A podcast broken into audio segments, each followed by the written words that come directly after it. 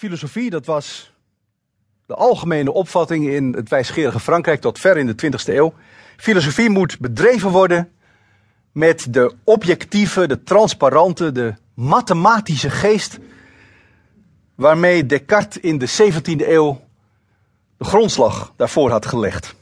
Filosofie was geen vage bespiegeling, was geen Weltanschauung, maar moest worden beoefend als een wetenschap. Met alle kenmerken die daarbij horen.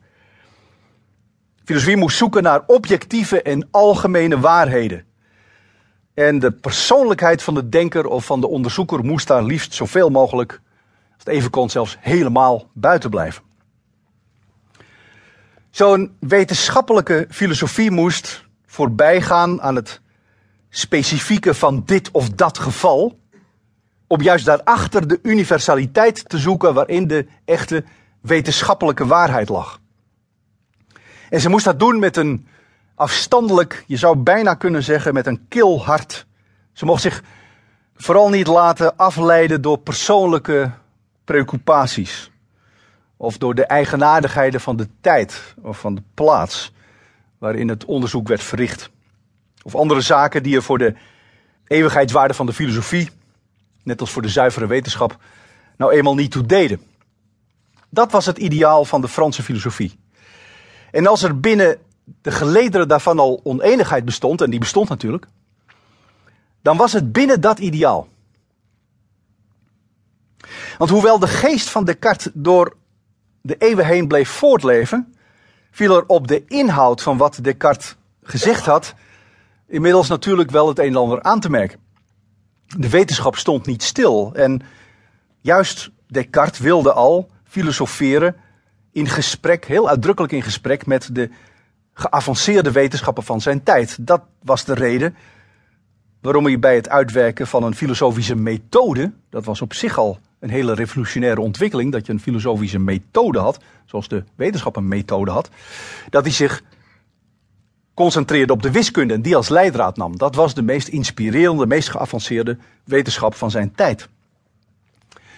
Maar dat wiskundige model had op de langere termijn ook grote nadelen.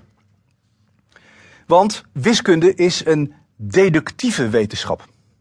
In de meetkunde begin je met een paar axioma's die volstrekt evident zijn, volstrekt eenweerlegbaar, ook liefst zo weinig mogelijk axioma's.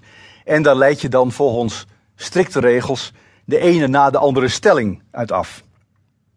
En dat was ook de methode die Descartes had gevolgd, Spinoza deed in Nederland overigens hetzelfde, om onze kennis van een filosofisch fundament te voorzien. Waarom mogen wij vertrouwen op wat we denken en wat we waarnemen? Mogen we dat wel? Dat was de vraag die hij stelde. Wel nu, dat we daarop mogen vertrouwen, dat bewees hij met zijn beroemde sluitrede cogito ergo sum. Ik denk, dus ik ben. Dat is in ieder geval één onomstotelijke waarheid die we overhouden wanneer we eerst begonnen zijn met aan alles te twijfelen. En uit het feit dat ik besta, kan ik tenslotte ook concluderen dat ik erop mag vertrouwen dat de wereld zoals ik die zie ook bestaat, zoals ik haar zie. Daar had Descartes een nog altijd wel wat wonderlijke omweg over de welwillendheid van God voor nodig, maar op zichzelf was het een logische gedachtegang die hij daarin volgde en die hem tot die conclusie leidde.